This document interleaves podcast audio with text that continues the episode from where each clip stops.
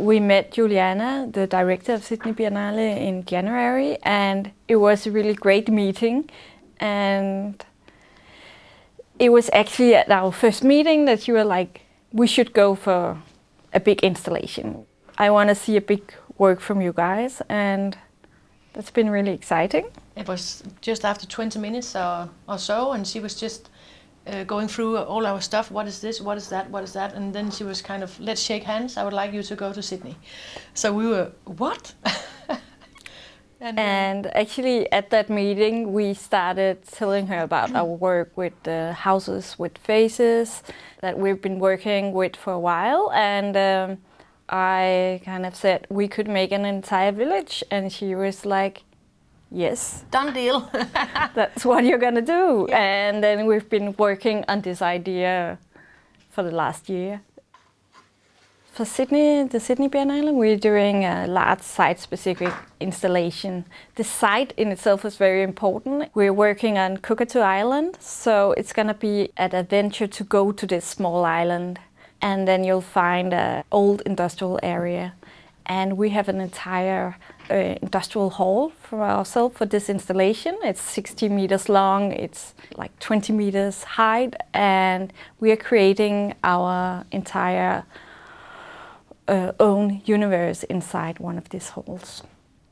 Yeah, so basically we're, we're building a whole um, uh, town or a small village uh, inspired by the mid Middle Age uh, European way of doing it with a wall going around and we have these five houses, cluster of houses in the middle, and uh, you can walk through them, and um, there will be two towers, and you will enter one of them, and um, the highest one is going to be around 13 meters tall, and um, the other one a bit smaller, and then you enter, and you will be among the houses, and they're like what are they, four, five meters high, and um, you cannot enter them, but you can walk around them and have a look, and, and they will be looking at you and or you have you might have the feeling of them watching you maybe.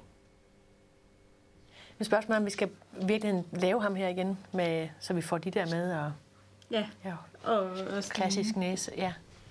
This picture is uh, very old. It's like 1700 kind of drawing, and you see a house that has, uh, or it's more a head, head and a house put together, and you see this skeleton entering from a ladder and a, a guy holding up one eyelid, and um, it's very strange, and we found it so interesting, so we followed that idea and did this installation work in um, 2008 with two houses looking at each other.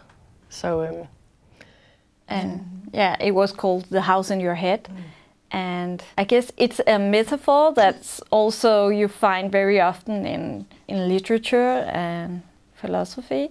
I mean, it's this constant uh, relation uh, between humans and the environment. It's a it's a way of understanding the world that you are a person standing, then you have a tower standing.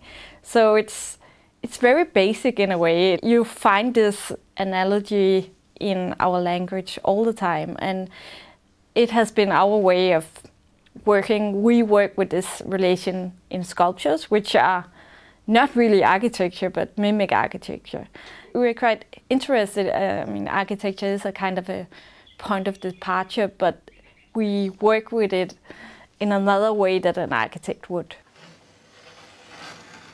It's really exciting about the Biennale to get the possibility to show our work to a really big variety of, of people. Um, we have uh, people traveling to see this event, but also just very the citizens, the big variety of citizens of Sydney.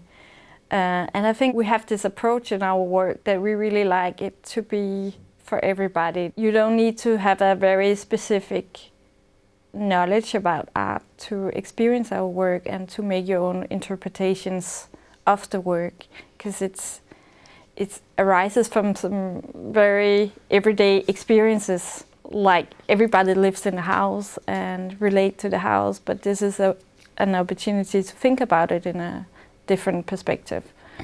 Very excited to get this chance.